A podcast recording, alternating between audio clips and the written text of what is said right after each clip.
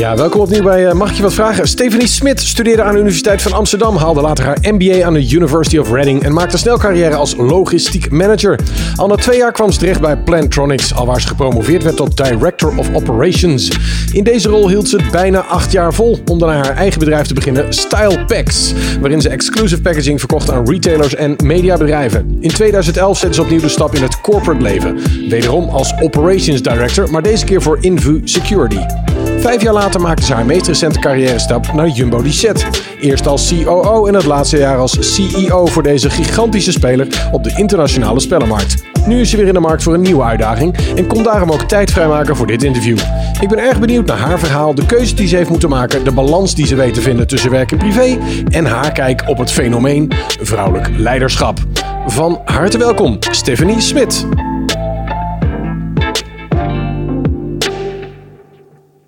Goedemorgen. Van harte welkom. Wat een, eh, wat een cv. Je hebt een hoop gedaan al in het leven, of niet?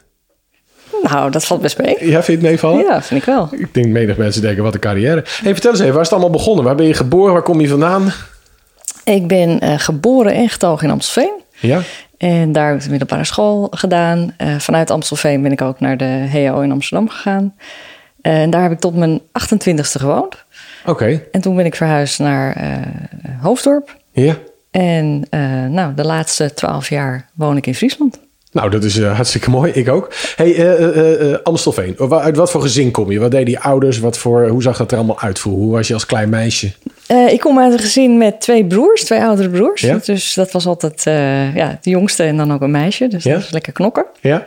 Eh, mijn ouders, mijn vader was ambtenaar eh, en mijn moeder was, eh, werkte voor een medisch secretariaat. Oké. Maar ook al een werkende vrouw dus. Ja. Dus je had als voorbeeld al, want in die tijd was dat unieker dan nu, toch? Ja, nou, mijn moeder werkte part-time. Oké. En, nou, en dat de- met name de ochtend of de middag, dat deelden ze dan, of dat wisselden ze, wisselden ze af met de buurvrouw. Om, nou, op donderdag geloof ik was de buurvrouw, die werkte dan s ochtends en die ving ons dan tussen de middag op. En, eh, of met de thee. Ja. En mijn vader kwam altijd wel netjes eh, tussen de middag eh, thuis. Oké. Dus, dus zo hebben we dat eigenlijk gedaan. En was je al een beetje de baas van je broers vroeger?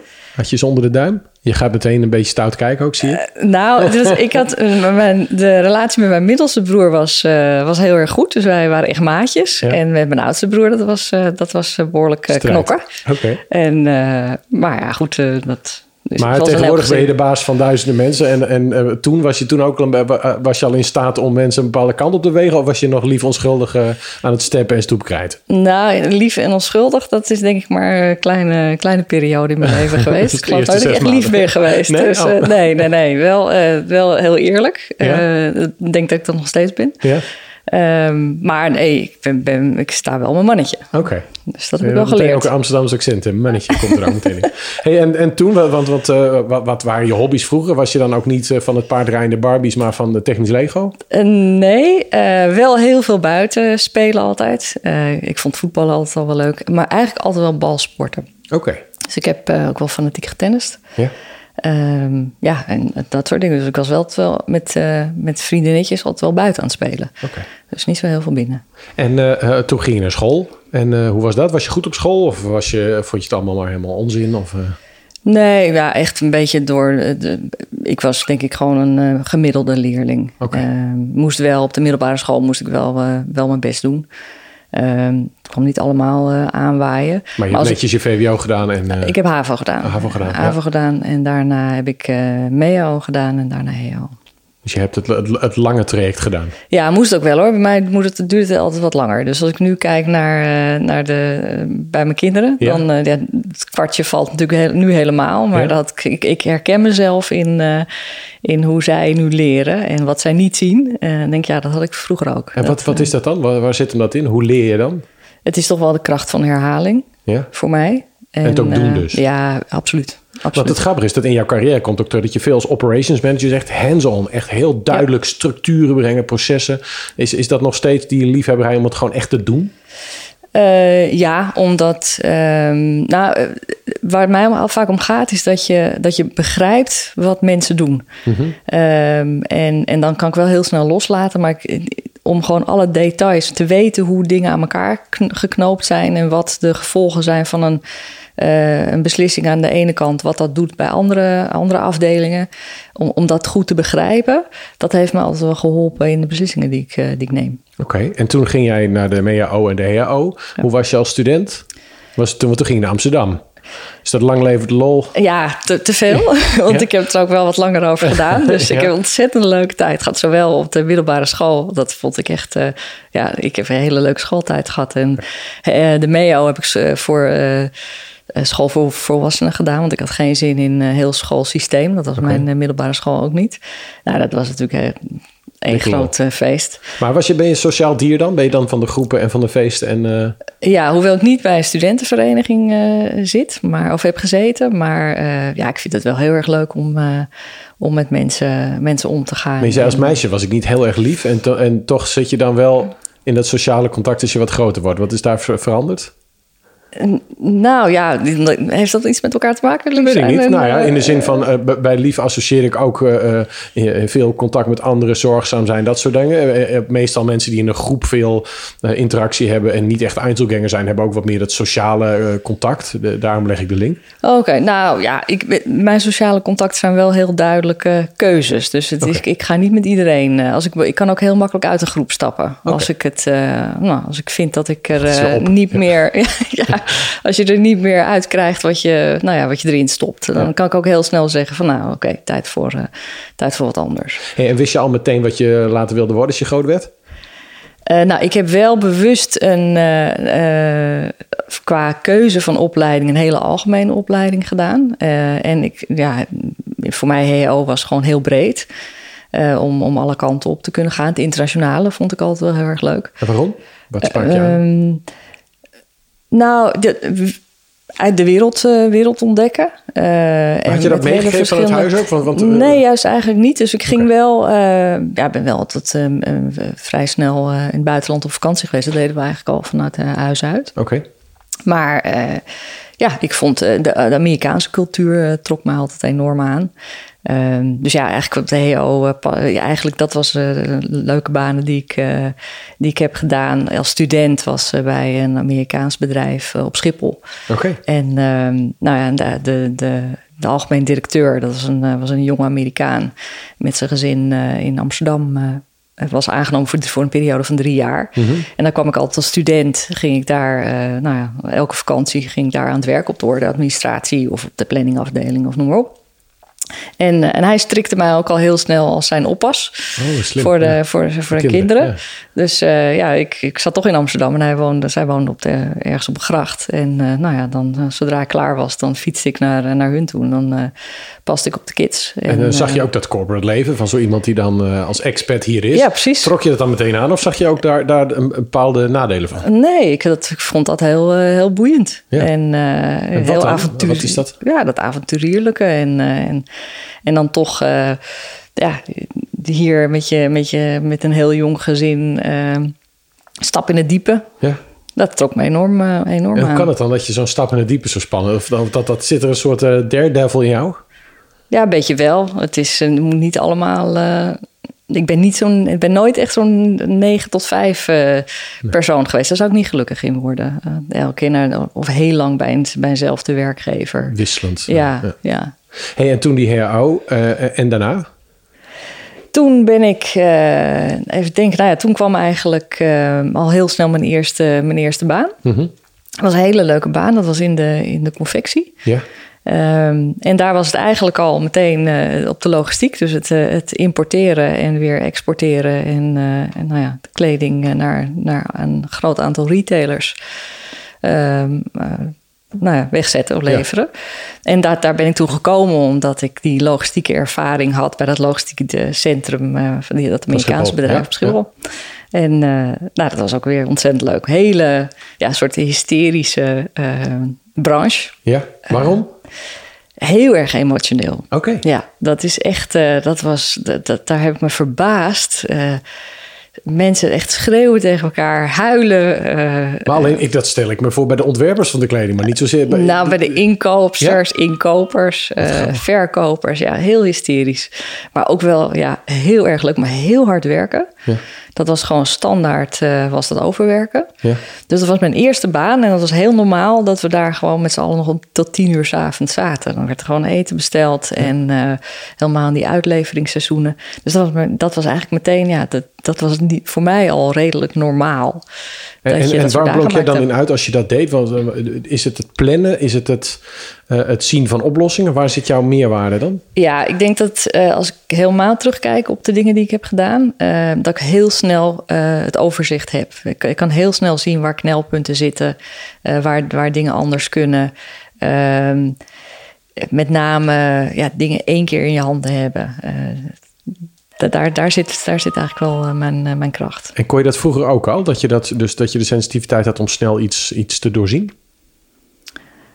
Um, weet ik niet. Weet ik niet of ik dat vroeger al had. Want waar ontwikkelt zich het dan? Kun je, kun je een punt aanwijzen van... oké, daar, daar, wat zo'n talent ontdek je of zo? Of, hoe kom je daarbij? Dat je in één keer denkt... ja, ik zie dit veel sneller dan andere mensen? Of had je dat in het begin helemaal niet door... dat je daar beter in was? Nee, nee, nee. Ik denk dat... Uh, ik altijd wel op zoek ben naar de, naar de, de, de oplossing om het te begrijpen. Ik ben niet, uh, als het heel theoretisch wordt, dan, dan, uh, dan, dan check ik vrij snel uit. Mm -hmm. Dus ik ben wel op zoek naar, uh, naar de eenvoud. Dus ik maak dingen klein. Dat mm -hmm. is eigenlijk wat ik, wat ik doe. Ik probeer het heel op te breken in kleine, kleine oplosbare stukjes. En door dat meteen te doen, nou, je zie al heel snel wat, het grotere plaatje. En is dat een talent of kun je dat leren? Ik denk dat je dat kan leren. Ja, hoe dan? Want jij hebt het van jezelf. Nou, nee, ik denk dat je dat leert doordat, uh, doordat als je een heleboel theorie op je afkrijgt, uh, dat je moet gaan zoeken van hoe kan ik het het beste uh, eigen maken. En daar vind je dus wel weer je, je weg in. Dus ik denk dus dat die theorie heb je eigenlijk ook meteen in stukjes, kleine stukjes ja, voor. Ja, ja, precies. Dus want... blijkbaar zit het ook ergens in je systeem dat je dat talent hebt. Ja, nu, nu het zegt misschien ja. wel. Heel goed. Hey, en toen, want, want, want dat, dat smaakte naar meer, die eerste baan. Ja. Was je, toen, was je toen ook, voordat ik zo, want ik, ik, ik, het boeit me, want ik zie je daar dan zitten. En ik, was je meteen een beetje competitief? Wilde je ook de beste zijn of niet?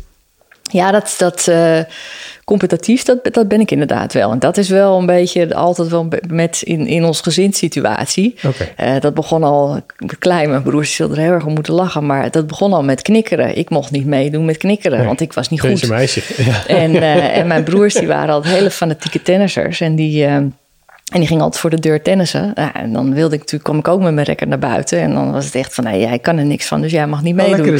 Dus dan mocht ik wel meedoen als ik dan bijvoorbeeld uh, ja, uh, een game kon winnen, weet je wel. Dus je moest ook, ik moest ook wel die strijd continu aangaan. Dus bij ons was dat het strijd, je, uh, je rijbewijs halen met zo min mogelijk lessen. En mijn broers, die, die, hadden, die waren een keer gezakt. Nou, Ah, en ik lekker. heb de minste lessen en in één keer gehaald. Dat vind ik nog steeds leuk. Dat zijn wel van die dingen, dat, dat enorme... Ja, moeten kick. opboksen tegen, ja, tegen een aantal van dat soort gasten. Dus als je succesvol wil worden, dan is het goed als je wat dominante broers Ja. hebt. Dat, eh, dat, dat werkt wel. Dus ik, ik je merk hebt het er heel... nog nooit voor bedankt, zie ik. Nee, maar je, je merkt wel eh, vaak zo'n... zo'n eh, eh, ja, dat dat toch anders is. En eh, ik merk het ook wel mensen die ik eh, op sollicitatiegesprekken, weet je wel, kandidaten, en je een beetje doorvraagt. Het is, heel vaak is het zo als. Je, je als pikt die verwende enige kinderen er snel uit, zeg maar. Ja. Nou, een die hebben weer andere kwaliteiten. Oké, en, en toen, toen smaakte het dus naar meer. En toen, wat ging je doen? Toen ben ik, heb ik even een stap gemaakt naar verkoop. Want toen dacht ik van, nou, dat kan ik eigenlijk ook wel. Ja. Ehm, Was dat ook zo? Eh, ja, Ja? ja? dat kan ik. Alleen, ehm, ja, ik, ik had er niet heel veel plezier in. Dus dat was, eh, dat was echt even zo'n tussen, tussenstap. Eh, dat heb ik ook een halfjaartje gedaan. Ook niet een hele, hele sexy branche. Ehm, en toen uiteindelijk werd ik benaderd voor, ehm, eh, voor de rol bij Plantronics. En dat was inderdaad weer in, ja, heel herkenbaar. Was logistiek, dus het opzetten van... van moest een distributiecentrum opgezet worden. Maar dat was meteen, want, want uh, als je dat op LinkedIn staat, staat er EMEA achter. Dus het ja. staat meestal voor uh, Europe, Middle East en Africa. Dus het is ja. meteen mega internationaal. Ja, het was eigenlijk een bedrijf wat, uh, wat vanwege een tax ruling een, een, kantoor in Nederland moest opzetten. Ja. was al, nou, bestond al sinds 1969 of iets dergelijks. Ehm, dus echt al een hele historie. hadden ook al een Europese vestiging, alleen dat zat in, in Swindon. Mm -hmm. Nou, en toen, moest er, uh, toen had iemand bedacht van dat het wel een hele interessante uh, constructie kon zijn door een Nederlands hoofdkantoor op te zetten. Uh, en ja, dat waren, we werden aangenomen met drie mensen. En ga het maar doen. En dat vond ik dan wel weer leuk. Ja. Dat Amerikaanse. Van ja, dat moet gedaan worden. En nou ja. Dat zijn wel lef dan, hè? Ja, ja, en dan kreeg je wel, wel de vrijheid. Dat had wel te maken met een Engels, Engels Europees hoofdkantoor. Weer een hele andere dynamiek. Mm -hmm. Um, maar ja, in de, in, dat is vrij snel, is eigenlijk de. Maar wat is het verschil in die dynamiek? Want er zijn natuurlijk weinig mensen die zo in zo'n internationale context werken. Wat is voor jou het verschil? Um, nou, in, in, in dit geval uh, was, waren de Amerikanen hebben heel snel vertrouwen in. Uh, nou, ga het maar doen. Ik weet dat ik daar. Ik, ik was er in februari, werd ik geloof ik aangenomen. En toen in tweede helft maart. Toen werd, lag er een ticket op mijn bureau. Van het is de bedoeling dat je nu naar het hoofdkantoor in Amerika gaat. Uh, en uh, nou, prima, wat, wat ga ik daar doen? Nou, ja, dat was een heel programma. Uh, ze wilden me daar wat beter leren kennen. Mm -hmm. Nou, toen ik daar kwam, bleek dat dus gewoon een sollicitatieronde te zijn. En dat was meteen met allemaal VP's. En die, die stelden ook hele directe vragen, wat ik vond van het Engelse managementteam. En dan denk ik van, oh, dat, daar ga ik mijn vingers niet aan nee, branden. Maar, maar ja, ik, als je mij vraagt stelt, krijg je wel ja. eerlijk antwoord. Ja dus je kunt er natuurlijk wel iets van nu al iets van. Maar voor de, want het zijn mensen die luisteren, die komen niet uit. Een VP is een vice president, dus een heel hoge ja. executive in zo'n board. Ja. En uh, want blijkbaar had je meteen, wat ik bedoel, als ik naar mezelf kijk en, en ik zat in zo, zo jong in die situatie, had ik meteen alles gezegd wat ze maar wilden horen. Maar je had blijkbaar die politieke sensitiviteit. Hoe, hoe, hoe kan het dat je dat doorhad? Of dat nou, je... dat, dat kwam toch wel doordat ik dat best wel een aantal jaren voordat, uh, voor dat Amerikaanse bedrijf Schiphol had gewerkt. Mm -hmm. dat um, daar krijg je toch wel een beetje mee hoe dat, hoe dat werkt. En uh, um, ja, en, en, was ook wel. Uh, ik, ik, kwam bij die Amerikanen veel thuis. Dus ja, je, je, op een of andere manier. Je kijkt het af dan. Ja, ja, ja. Dat, ook daar weer dat, het analyseren en uh, het is stukjes pakken die ja, je kunt gebruiken. Ja. En, en ik dacht wel van ja, ik, het is nu niet mijn, mijn taak om een Engels managementteam af te branden. Terwijl ik wel zag wat ja, ze pakte niet door. Was, en het was heel erg gericht op, eh, op de Engelse markt. En daar werd goed voor gezorgd. En het was juist de bedoeling dat. Uh, dat de Europese markt ging groeien. Nou, dat, dat ging niet lukken met de constructie die er toen was. Hm. Dus dat heb ik denk ik wel uh, toen duidelijk kunnen maken.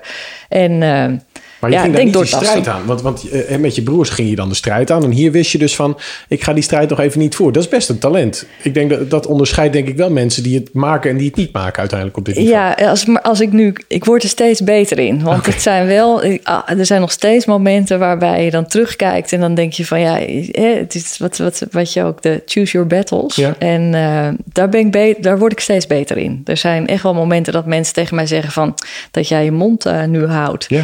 Uh, maar ik kan er ook wel. Uh, nou, ik denk mensen die mij kennen weten ook dat ik echt wel met gestrekt been in kan gaan. Dat ik later dan denk, hmm, had ik misschien niet moeten doen. Okay. Dus ik herken dat steeds beter.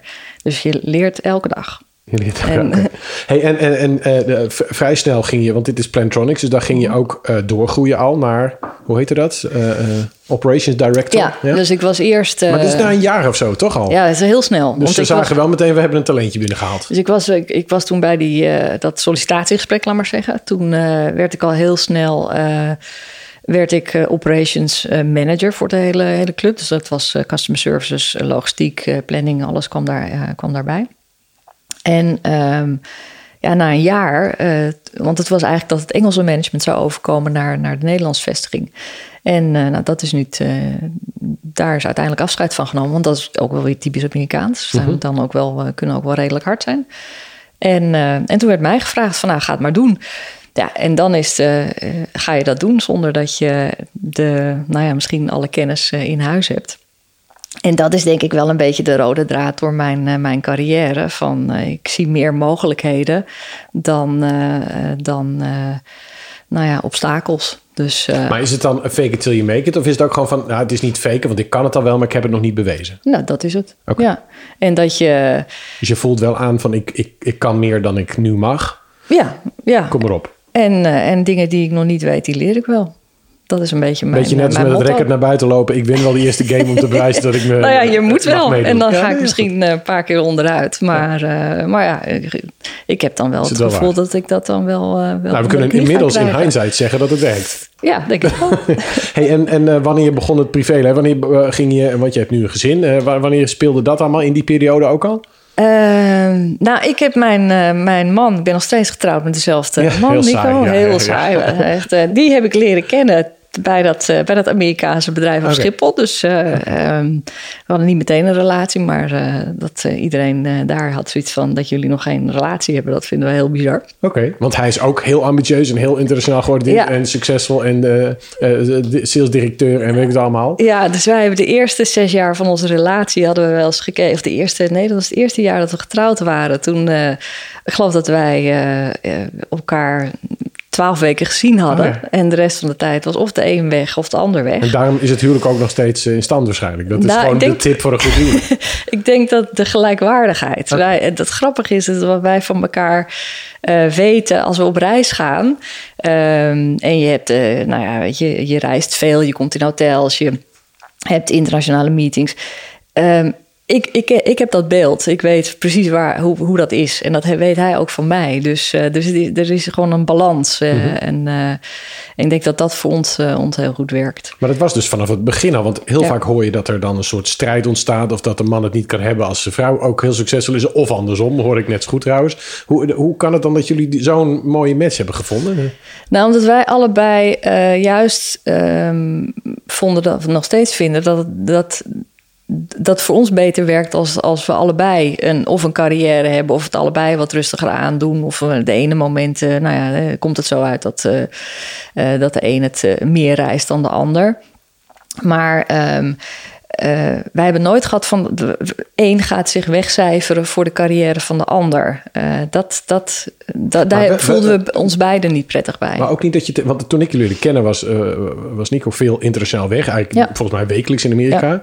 Toen had jij je eigen onderneming. Toen was het wel beter. Het was wel, het is, als, als ik naar jullie op een afstandje kijk, heb ik het idee dat jullie het heel mooi afwisselen. Dat je zegt, oké, ik heb even mijn moment gehad, nu mag jij weer. Zo, dat gevoel. Ja, maar dat is niet bewust. Maar nee, maar zo voel ja. Dus ik denk dat, nou, hoe doen ze dat nou weer? Maar, ja. ja, dus het is bij ons ook zo. De tot uh, als ik even kijk, mijn, uh, mijn dochter is nu 15. En toen zij in groep 4 zat, nou, tot die tijd was ik eigenlijk heel veel beschikbaar voor ze. Was, was ik er. Ja. En, en toen ze heel klein waren ook. dat was ook in de periode dat ik Southpack was begonnen. Want die combinatie met een, met een rol waarbij je heel veel moet reizen... Ja, dat, dat was, dat, dat was lastiger. Ja. Dus toen ik mijn eigen bedrijf startte dat was ook in de periode dat, uh, dat kinderen geboren uh, waren. Um, en dat was voor ons heel goed te doen, want mijn beurzen die waren in het weekend. En, uh, en ik kon s'avonds naar bepaalde showrooms toe. En, nou ja, en dan de kinderen gingen ook gewoon naar de kinderopvang. Dus ik had ook wel mijn handen vrij. maar ver veranderde dat het leven voor jou heel erg? Of had je zoiets van nee, dit, match, dit is een van die logistieke projecten die ik er gewoon bij ga managen? Het, het start van een eigen nou, Nee, van een gezin. Zo'n gezin erbij, zeg maar. Want het, soms verandert dat een totale kijk op het leven voor mensen. En soms uh, uh, uh, kun je het gewoon inplannen. Ik, dus mijn ja, vraag is, dus, hoe doe je dat? Nou ja, dat, dat, was inderdaad de combinatie dat op dat moment Nico heel erg veel reisde. En ik had mijn eigen bedrijf. En, en dat, dat was, een, was een perfecte combinatie. Ja. Dus uh, je, ik kon op rare tijden, als mijn kind ziek was uh, van de, en ik moest je ophalen van de kinderopvang, ja, dat kon ik dan wel, uh, wel in, inplannen. Dus dan, nou ja, dan kon ik mijn afspraken wel, wel verzetten. En, ja, maar het zit dan geen enkel rem op je ambitie dat je nee, zegt, nee, nee, nee, nee, nee. gewoon doorpakken. Ja, ja, want ik ben ook geen moeder de, de woensdagmiddagen. Ja. Dat riep ik altijd van ik ben zo blij als die weer voorbij zijn. Ja, ja. Want ja, daar ben ik helemaal niet geschikt voor. Ik vond het uh, ik vond mijn eigen kinderen wel leuk, maar al die kinderen die kwamen spelen, ja, dat toen na een uur dacht ik van. Nee, we gaan Kunnen ik die weer naar huis? ook na de maandag. Maandag is mijn thuisdag. En dan zeg ik daarna altijd, ik ben blij als het over is. Want ik vind die kinderen super lief. Maar ik Ja. vind het een hel om alles de hele tijd beschikbaar te moeten zijn. Ja. Maar dat hoor je niet vaak van de moederkant. Dus ja, dat- nee, dat, dat, ik ben daar helemaal niet, eh, niet geschikt voor. over, Dus nee. eh, nee, dat weten de kinderen ook. En, eh, dus ik, ik vond de tijd dat ik, dat, dat ik er was. En eh, vond ik heel erg leuk. En nou ja, dat, dat- ik heb ook heel veel met ze gedaan. Ja. Maar ik vond het heerlijk om ook weer mijn eigen Lekker dingen te kunnen doen. Ja. En ehm, nou ja, we hebben dat ook heel goed afgewisseld. Want er- en da- daarna is, eh, eh, toen ik weer heel veel internationaal ging, eh, veel moest reizen. Toen was, was Nico was thuis. Dus Ja. ja, ja dat, dan vroeg, kwam ik wel eens op, de, op, de, op het schoolplein. En dan kwamen de jongetjes naar me toe van... Hé, hey, moeder van Kai, wij hebben u al lang niet gezien. Ja, mooi hè? Ja, dat- Die hebben dus ook door, die kinderen. Ja. Ja, dus tot, eh, tot groep 4 stond ik inderdaad op het schoolplein. Ja. Ik was zo blij dat ik dat niet meer hoefde te doen. Ja. En, eh, en af en toe dan kwam ik nog wel eens. En dan zeiden ze van, nou, we, zien- we zien u nooit meer. Heerlijk. Nee, dat klopt. Hey, en en eh, de, de laatste periode, want, want eh, er is natuurlijk een hele grote roep naar zeer succesvolle vrouwen. Maar de laatste periode ben jij de CEO geweest van Jumbo Dicet. Dat is een gigantisch internationaal bedrijf. Onderdeel is een Spaanse organisatie eh, en de Nederlandse Royal Jumbo. Hè, dat kent iedereen van de spellen met zo'n olifantje erop. Als je zo'n zo'n functie aan, hoe kom je, hoe word je daarvoor gevraagd allereerst? Want, want eh, eh, je, je, je hebt allemaal rollen gehad als CEO, als, als operations officer in een bestuur. Hoe, eh, wanneer zet je die stap van, oké, maar nu ben ik gewoon de eindbaas? Hoe, hoe, hoe, hoe gaat dat? Nou, er moest heel veel gedaan worden. En, ehm, en daar was wel weer een bepaalde lef voor nodig. En uiteindelijk was het... de, de- we stonden eigenlijk op een kruispunt van... er moet ontzettend veel gedaan worden. Je moet, eh, als, als bedrijf heb je een, eh, wel een hele duidelijke purpose nodig. Wat ga je doen? Eh, de verandering in de markt. eh, en dat groeide. De, de huidige, de, de CEO die er zat, die zag dat wel. eh, maar vond dat gewoon heel erg lastig om, dat, eh, om dat, daar zelf handjes en voetjes aan te geven. Dus dat was meer Dus een stratege het dan een meer- doener. En jij bent echt een, ook iemand die het zelf kan. Oh, je, je- Nou, het was. Ik had daar een heel duidelijk beeld bij en een heel, hele duidelijke visie van waar, waar ik vond dat het bedrijf naartoe moest. En, En hoe dat kwam je eraan? daar. Want, want, want dat, dat is natuurlijk de, de magie. Want uiteindelijk gaat het niet om wie het doet, maar wie het plan heeft. En jij hebt dus blijkbaar, zie jij dit soort dingen. Is dat een soort eh, spiritueel talent? Of is dat gewoon eh, diezelfde Nee. analyse die... eh, Ik denk gewoon heel goed om je heen kijken. Wat gebeurt er? En, en ik denk het, het weer, wederom weer het lef hebben en de mogelijkheden zien. En wat je in het speelgoed ziet, is eh, heel oneerbiedig, zeg ik het nu eventjes hoor. Maar als je in dat, die klassieke speelgoedbedrijven, die worden geleid door mannen. En die allemaal nu nou, midden 60 zijn. ja. En daar mist wel een bepaalde ehm, kijk op, op, eh, op de wereld, hoe dingen om, om ons heen veranderen. En, eh, en, en daar, wat ik steeds hoorde in die speelgoed was: ja, maar het speelgoed is heel, heel traditioneel en, eh, en dit werkt niet in speelgoed. En alle, alle, alle industrieën veranderen, maar binnen speelgoed, dat blijft allemaal hetzelfde. En dat, ja, dat, dat geloof ik niet. En Nee. dat denk ik ook wel dat ik dat bewezen heb, dat dat dus niet zo is. Ehm, dus ik had daar wel een heel duidelijk beeld bij wa- wat er gebeurde in, eh, in de wereld om ons heen. En hoe je daar een passende, ja, passende oplossing kunt bieden eh, als, als speelgoedbedrijf. En hoe weet je dan dat wat jij denkt... Want ik bedoel, ik denk eh, als je op televisie iets, iets vertelt... dat alle kijkers daar iets van vinden... en ook wel denken dat ze gelijk hebben. Eh, het eh, Dunning-Kruger effect overschat onze, overschat onze eigen kunnen daarin. Maar jij hebt blijkbaar een sensitiviteit en een beeld daarvan... dat andere mensen dan ook denken... Hmm, we gaan haar toch maar eens vragen om het ook maar te doen. Wa- Wat is het verschil tussen de gewone man of vrouw... die de wereld daardoor zit te kijken... en jij die ergens naar kijkt en iets analyseert? Weer, weer het, de eenvoud. Dus gewoon een heel duidelijk plaatje kunnen schetsen. Van dit is wat ik denk dat we moeten doen. En, en, en, en, en dit zijn de redenen waarom we dat zouden moeten doen. Oké. Dus het niet moeilijker maken. Geen, eh, nou ja, PowerPoint decks die, eh, die gecompliceerd zijn. En wat is nou precies je boodschap? Ik ben daar heel helder in. Van, crap, dit, is, ja. dit is wat ik denk dat we moeten doen. En, en, en zo ziet het eruit. En, eh, en ja, zeg maar ja of zeg maar nee. En doen we het niet, dan ga ik weer wat anders doen. En eh, doen we het wel, nou, ik denk dat dit de voorwaarden zijn en dat je het zo moet gaan inrichten. En dat heb ik eigenlijk ook wel, als ik dan weer terugkijk naar mijn rol bij Plantronics. Ja, daar stelden ze me ook de vraag van hoe zou je het aanpakken? Nou, dan kan je er antwoord op krijgen. Ik denk dat ik het zo en zo zou gaan doen. Er zijn natuurlijk heel veel mensen die dat, eh, omdat de boardroom zich eh, omgeeft met een heleboel ingewikkelde Engelse woorden, dat ze denken het is ongelooflijk complex. Maar wat jij eigenlijk zegt is, daar zitten ook gewoon vier, vijf mensen die eigenlijk heel simpel stapjes zetten en ja, ik denk dat dat een echt zwaar over, overrated is om eventjes te... Ja, dat is de keren dat ik wel eens ergens heb gezeten... ook wel in een, in een, in een RVC-meeting... Eh, en dat ik denk van, oké... nou, dan, dat, soms vind ik het wel wat schrikbarend hoor, dat, dat, dat uh, het niveau. En komt dat ook door de effecten van zo'n Old Boys Network van vroeger uit? Ja, dat denk ik wel. Wat is dat? Wat, wat is er slecht aan mannen? Vertel eens even. Ik bedoel, eh, ik zal even net doen alsof ik het niet ben. Leg me eens even uit. Wat hebben al die, die mannen, hoe hebben ze de wereld uh, slecht gemaakt, zeg maar? Nou, hoe de mannen dat... dat nee, is te groot. Ik dat, ja, precies. Expres, maar ik maak het je makkelijker. Dan klink jij wat sympathieker. um, ja, dingen wegwuiven van uh, wat, wat niet belangrijk is. Uh, en, en, zo, en, en nou ja, weer even terug naar die speelgoedbranche. Heel erg geloven in. Uh, zo hebben we het altijd gedaan. En dat heeft altijd voor ons gewerkt. En ja. En dat gaat nu ook weer, ook weer goed. En wij kennen mensen. en als er gekeken moest worden naar. er moeten mensen aangenomen worden. Dan wordt er toch eerst weer gekeken naar wie kennen we. En oh, die heeft het al vaker gedaan. Dus die, die, die, dat past in hun manier van denken. En ehm, ja, in een bepaalde. Ik denk ook dat het in, in een bepaalde vorm wat risicomijdend is. Van uh, als we het kennen en we. Maar zijn dat oude mensen of zijn dat mannen die risicomijdend zijn? Nee, in dit geval is denk ik is de combinatie van mensen, van, van, eh, van mannen die dat al, al heel lang hebben gedaan. En, uh... en dit waren is een Spaans bedrijf, Spanjaarden. Is, is zo'n cultuur, is het het, maakt dat nog een verschil? Een Amerikaan of een Spanjaard? Is, is ja. daar, wat, wat zijn dat voor verschillen? Want nou ja, als je kijkt naar de, het Spaanse leiderschap, dat is ontzettend hiërarchisch en, en uh, totaal niet transparant.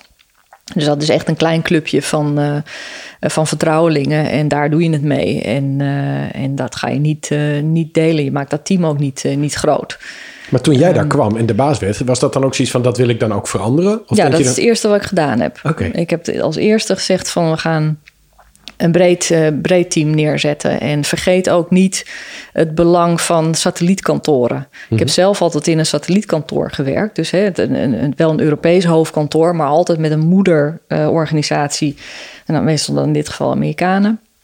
En uh, de hoeveelheid informatie die je dan krijgt. Nou ja, je mist ook een heleboel dingen. Dus je moet zelf ontzettend op zoek naar de informatie. Dus je moet zorgen dat als jij in een, in een Europees kantoor werkt of in een satellietkantoor, dat je heel erg zichtbaar bent in zo'n bij zo'n hoofdkantoor om ook de informatie te halen. Want het komt niet uh, naar je toe. En dat, ja, dat is een ervaring die ik zelf natuurlijk meenam. Dus wij hadden een heleboel satellietkantoren. Die waren gewoon compleet afgesloten van de informatiestromen.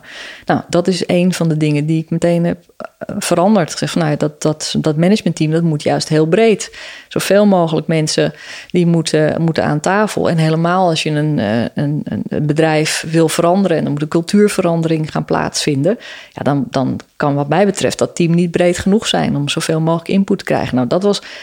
Ik denk dat dat een, iets is wat ik als vrouw al heb gedaan wat een man minder snel zal doen. Want dan, je, krijgt heel veel, uh, ja, iedereen heeft natuurlijk zijn mening. Uh, en het was een totale andere aanpak dan, uh, dan, dan, dan iemand die dat heel hiërarchisch aanstuurt. Um, en het liefst met een heel klein team de beslissingen neemt.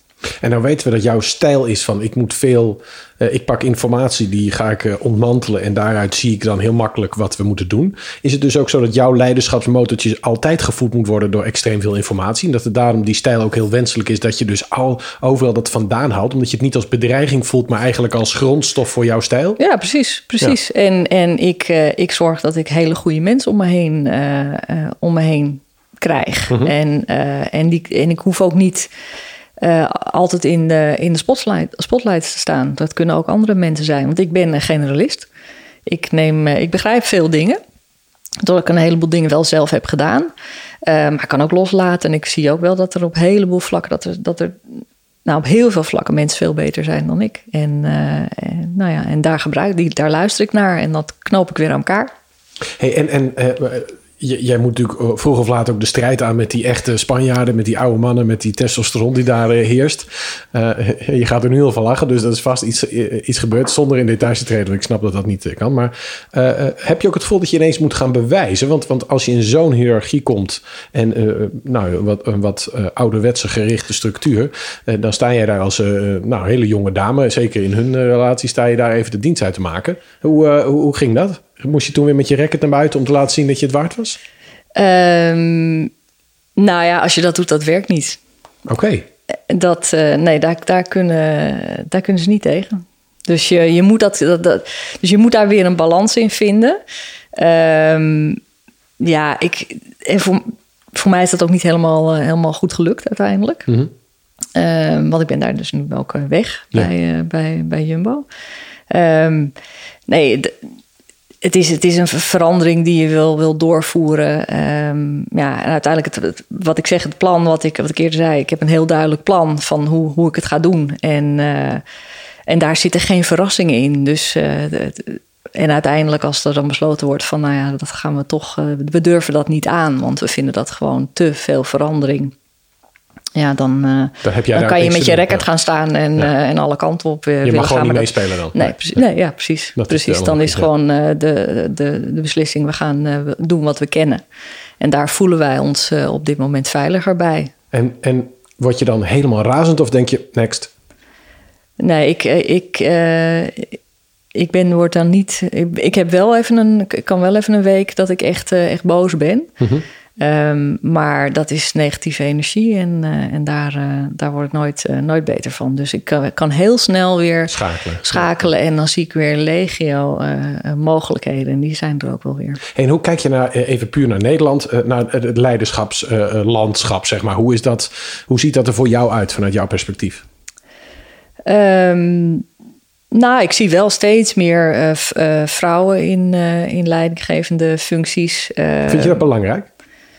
Ik vind de balans belangrijk. Ik denk dat uh, vrouwen weer een andere dynamiek meebrengen. Maar ik denk dat er ook voor vrouwen nog heel veel uh, uh, ja, zelfreflectie eh, moet plaatsvinden. Maar ik ken uit mij vaak ook uh, vrouwen die extreem dominant zijn en in de spotlight willen staan en andere mensen. Ja, ontkennen. ik wil ook helemaal niet dus zeggen dat daarom vrouwen. ben ik benieuwd van is het dan is het dan het mannelijke of vrouwelijkheid of is het een bepaalde set eigenschappen? Waar zit hem dat in voor jou? Daar ben ik zo benieuwd naar.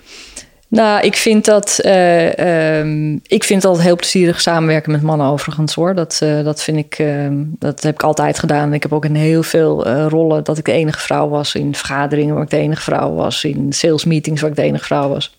Daar heb ik al nooit, nooit echt problemen mee gehad. Ik vind het altijd wel fijn als er dan op een gegeven moment wat vrouwen in, de, in, een, in een team komen. Omdat je dan toch weer op een andere manier ehm, ja, schakelt. Uh, maar je bent ook wel streng, want er was, uh, je vertelde me een keer een anekdote van een vrouw die bij jou solliciteerde voor een hele belangrijke positie. Die zei, nou, ik wil het wel part-time doen. Dus ja. je zei, ja, dat gaan we dus niet doen.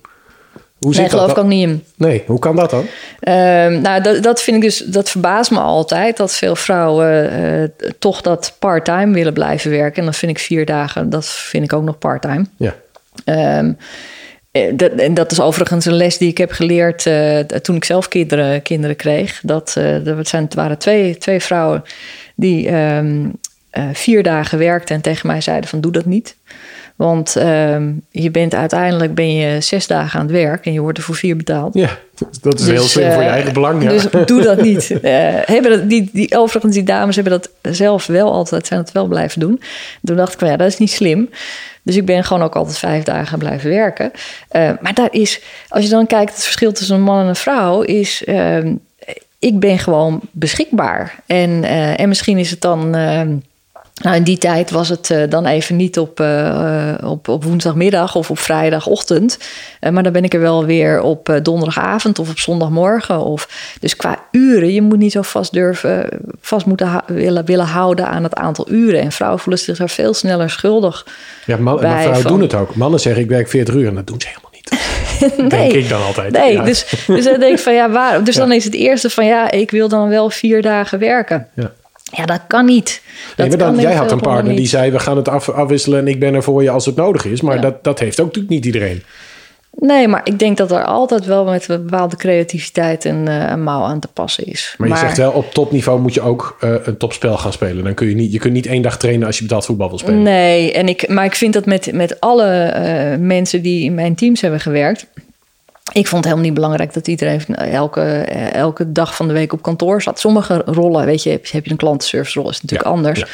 Maar joh, ga, uh, dan, mensen wilden dan vrij vragen als uh, bijvoorbeeld de verwarming, verwarmingsmonteur kwam. Dan zeg je, ja, die komt bij allemaal, bij iedereen komt die één keer per jaar. Daar ga je geen vrij voor vragen. Dan, nou, werk weet je, dan werk je thuis. En dan, de, ja.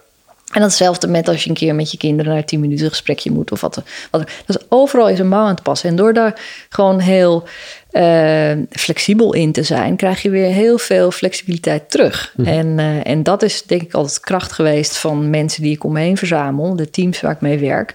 Is de, daar, dat zijn altijd hele loyale mensen, omdat ze de, de vrijheid krijgen. En, uh, en, en dan hoef je helemaal niet die, dat 9 tot 5 en die vijf dagen in de week. Als je maar gewoon beschikbaar bent. En, uh, Maar, maar jij, jij hebt die wereld vanuit lef ontdekt. Want je wist ook niet waar je in terecht kwam. Je hebt het gewoon een beetje op bravoure Ja. heb je het geprobeerd. Ondertussen zie je, je hoeft het, de soep wordt niet zo heet gegeten als die wordt opgediend. En als je een beetje creatief bent, kun je het zo interpreteren dat het ook prima te combineren is. Maar ik denk dat er heel veel vrouwen zijn die dat nog niet weten. En die, wat zou je hun zeggen? Wat, wa- op welke manier kun je, kun je met, ook mannen trouwens, hè, gewoon iedereen die, die hier tegenop kijkt, stimuleren om dat toch te gaan ontdekken? Want dat, dat je het ook naar jezelf eh, eh, kunt smelten op een manier dat het werkt. Nou ja, weet je, wat is nou het, wat is nou het ergste wat je kan overkomen? Dat, het, dat, dat bepaalde dingen niet, uh, niet helemaal soepel verlopen. En dat, nou, maar jij bent blijkbaar uh, niet bang voor gezichtsverlies. Maar veel mensen lijkt doodeng om te falen op topniveau. Um, Terwijl jij bent gewoon, als je één keer niet mag mee tennissen, ging je de dag daarna weer naar buiten met je racket. Maar dat is ook, er zit ook een soort vastberadenheid in. Ja, maar dat is weer misschien een beetje een, ook een soort, soort bord voor je kop. Van nou ja, wat, wat, wat, wat is nou het ergste wat me kan overkomen? Ja. Dus dat loslaten. Ik denk dat dat het gewoon is. Laat los. En, uh, En niet te serieus nemen ook wat allemaal gezegd wordt. Nee, er zijn nog zoveel leuke dingen ja. in, in uh, te doen. En uh, kijk om je heen. En af voor elke ding wat niet lukt, deurtje wat dicht gaat, gaat een ander deurtje weer open. Hey, en, en je bent nu weer in de markt. Hoe werkt het dan op zo'n moment? Want dan, dit is niet een business waar je zegt, nou, er is ergens een cv'tje heen mailen en dan word je één keer uitgehoofd van een gesprek en dan ben je er. Nee, hoe, nee. hoe, hoe ziet dat eruit voor de, voor de mensen die ambitie hebben, maar nog helemaal niet weten hoe het werkt? Nou, het is veel. Je moet wel zichtbaar zijn. Dus je moet uh, zorgen dat mensen dat je bij mensen aan tafel komt. Dat vind ik belangrijk. Mensen moeten hier gewoon. Je moet even leuke gesprekken kunnen voeren, zodat je wel. Uh, top of mind blijft voor dus veel. netwerk veel, onderhouden komt veel, ja, ja, daar moet je wel wat voor doen. Je moet daar meer voor doen dan, nou ja, dan misschien andere, andere rollen. En jij zet ook op je LinkedIn dat je in Amsterdam woont. Dat doe je ook zodat je niet, uh, dat je een beetje in de picture blijft voor al die mensen? Of niet? Nou, het grappige is, ik heb natuurlijk een, uh, dat is absoluut uh, eigen keuze geweest om naar Friesland te verhuizen. En daar heb, nou, ik woon hier met ontzettend veel plezier. Ik zou ook niet terug willen. Ik vind de mix heel erg leuk van ja. de Randstad, maar ook met, met Friesland. Maar het grappige is, is dat mensen voor mij dan gaan beslissen wat acceptabele reistijden zijn. En uh, daar heb ik niks mee, want ik woon in Friesland, maar ik werk in de Randstad. En, en dan vragen mensen... twee uurtjes te Nee, helemaal niet. Dat is voor mij, ik luister podcasts, ik doe, uh, nou ja, werk je internationaal, is dat ik had... Tijdzone, uh, kun je bellen, ja. Ik be belde heel veel, ik zat in conference calls. nou ja, weet je, dus dat is prima te doen. Ik vind autorijden vind ik, vind ik helemaal niet vervelend.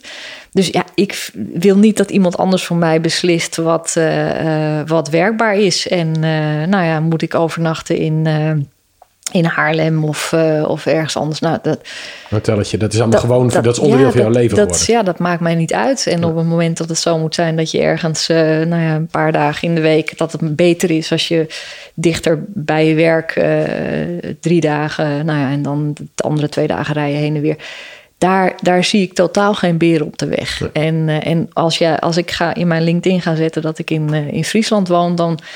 Ja, dan... Word je alleen maar de boterbouwers gebeld. nee, maar er zijn ook ja. wel. Ik heb ook wel bij, bij recruiters gezeten. En die zeiden van ja, nou ja, het feit dat jij dat al zo, zoveel jaar doet. Ik doe dat al twaalf jaar. Um, ja, dan geloven we wel dat jij wel weet wat dat, uh, wat dat betekent. Maar er zijn ook wel veel mensen die zeggen van nou, dat ga ik gewoon doen, dat heen en weer rijden, dat vind ik geen probleem. En die, die er dan achter komen dat, dat, dat, dat, uh, dat ze dat helemaal niet kunnen.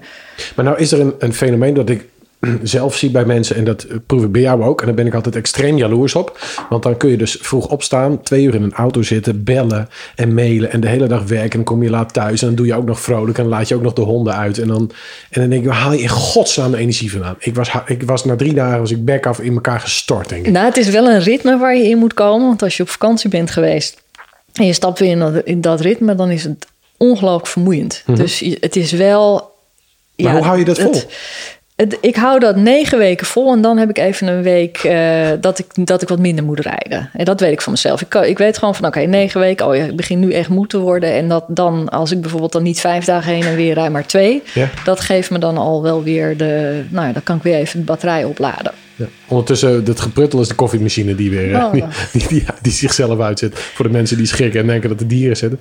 Hey, en en eh, betekent dat ook dat je in die negen weken eigenlijk over je grenzen heen gaat die je zelf aan het uitputten bent? Ehm, ja, je- ik, ga, nou, ik loop dan wel tegen een grens aan. En dat, eh, dat, dat merk ik dan aan mezelf. En dat merkt mijn gezin ook. Die denken van, nou ja, mama, mij het is mooi geweest eh, voor een... eh, dus ik, het liefst, eigenlijk het beste zou zijn als je elke, na negen à tien weken... dat je dan heel eventjes een korte break kan, kan hebben. Maar ik weet dat van mezelf. Dan moet ik gewoon even wat, moet ik zorgen dat ik echt goed slaap.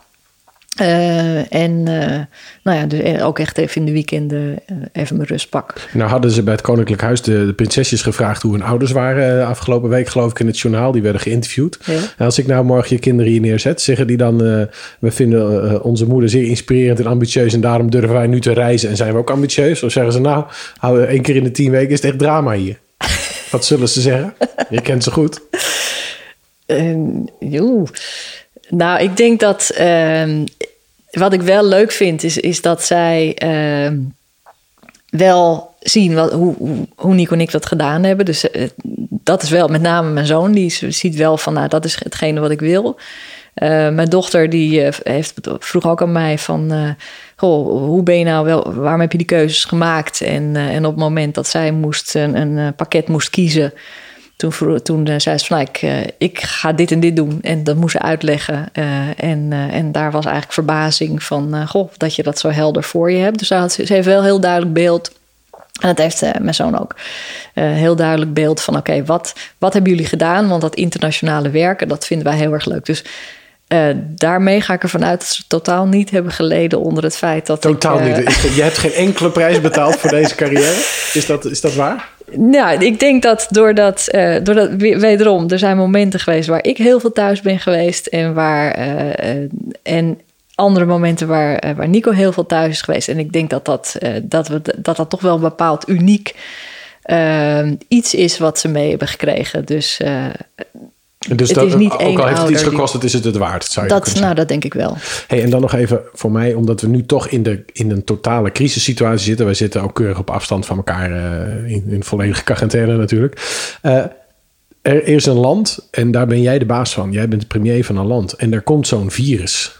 Ja. Wat zou jij anders doen? Wat, hoe zou jij zoiets aanvliegen? Hoe werkt dit? Want ik ben gewoon benieuwd als we nou een vrouwelijke premier hadden gehad.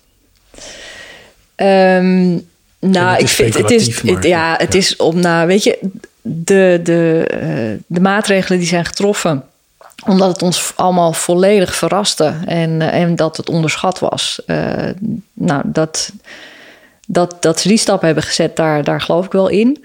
Alleen er komt wel een moment waarbij je zegt van nou ja, we kunnen niet zo door blijven gaan. Dus dat we nu het hebben over een anderhalve meter economie, ja, daar geloof ik niet in. Dat, dus op, er komt nu een moment waarbij we moeten accepteren van ja, dit is wat het is en eh, dit gaat niet weg, maar ja, de wereld gaat ook door. En, eh, Maar had jij een satellietkantoortje in China gehad waardoor je waardoor je, je eigen informatie had gehad? Want ik, ik luister dan naar hoe jij dat aanpakt. Denk ik, jij had veel meer informatie gehad. Ja, ik, ik, ik- we zijn gewoon veel te afwachtend. En, eh, en, en als je nu kijkt naar die, die, die WHO en, en hoe dat allemaal is gegaan en hoe snel dit al bekend was. ehm, ja, dat, die informatievoorziening die had, eh, nou, dat is misschien een goed voorbeeld. Een, een kantoor daar gehad om, uh, om te... Om je eigen informatie daar vandaan te halen. Ja, we zijn te afhankelijk van, uh, van partijen waar ik niet, uh, nou, waar ik geen vertrouwen in heb. Nee. Hey, en, en even tien jaar vooruitkijkend naar het thema leiderschap. Wat gaat er veranderen in... Ja, want dit zijn, zijn crisissen waarin mensen natuurlijk gedwongen worden om keuze te maken. Maar hoe, er is al een tijd gaande dat het leiderschapslandschap verandert. Wat voor veranderingen hoop jij te zien in de komende tien jaar? Um, qua leiderschapstijl? Of, uh, nou, het hele landschap misschien, dus, eh, wat, wat in jou opkomt. Ja. Nou, ik hoop wel eens dat we een vrouwelijke premier uh, krijgen. En dat er wat meer, uh, dat er ook een vrouwelijke president in, uh, in de Verenigde Staten. En wanneer ga je je verkiesbaar stellen dan? Want dit niet, is een beetje. Niet, want ik ben geen politiek dier. Okay. Zou, daar zou ik niet voor geschikt zijn. dus dus dat, dat is ook natuurlijk een beetje makkelijk. maar waarom zou dat een verschil maken voor je?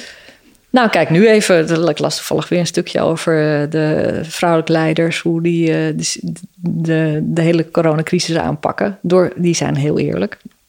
Uh, heel, heel helder. Van, mm -hmm. uh, zijn ook bereid om de, nou ja, de, de slechte boodschap te vertellen. Wat dat betreft is Merkel, uh, Merkel uitermate duidelijk.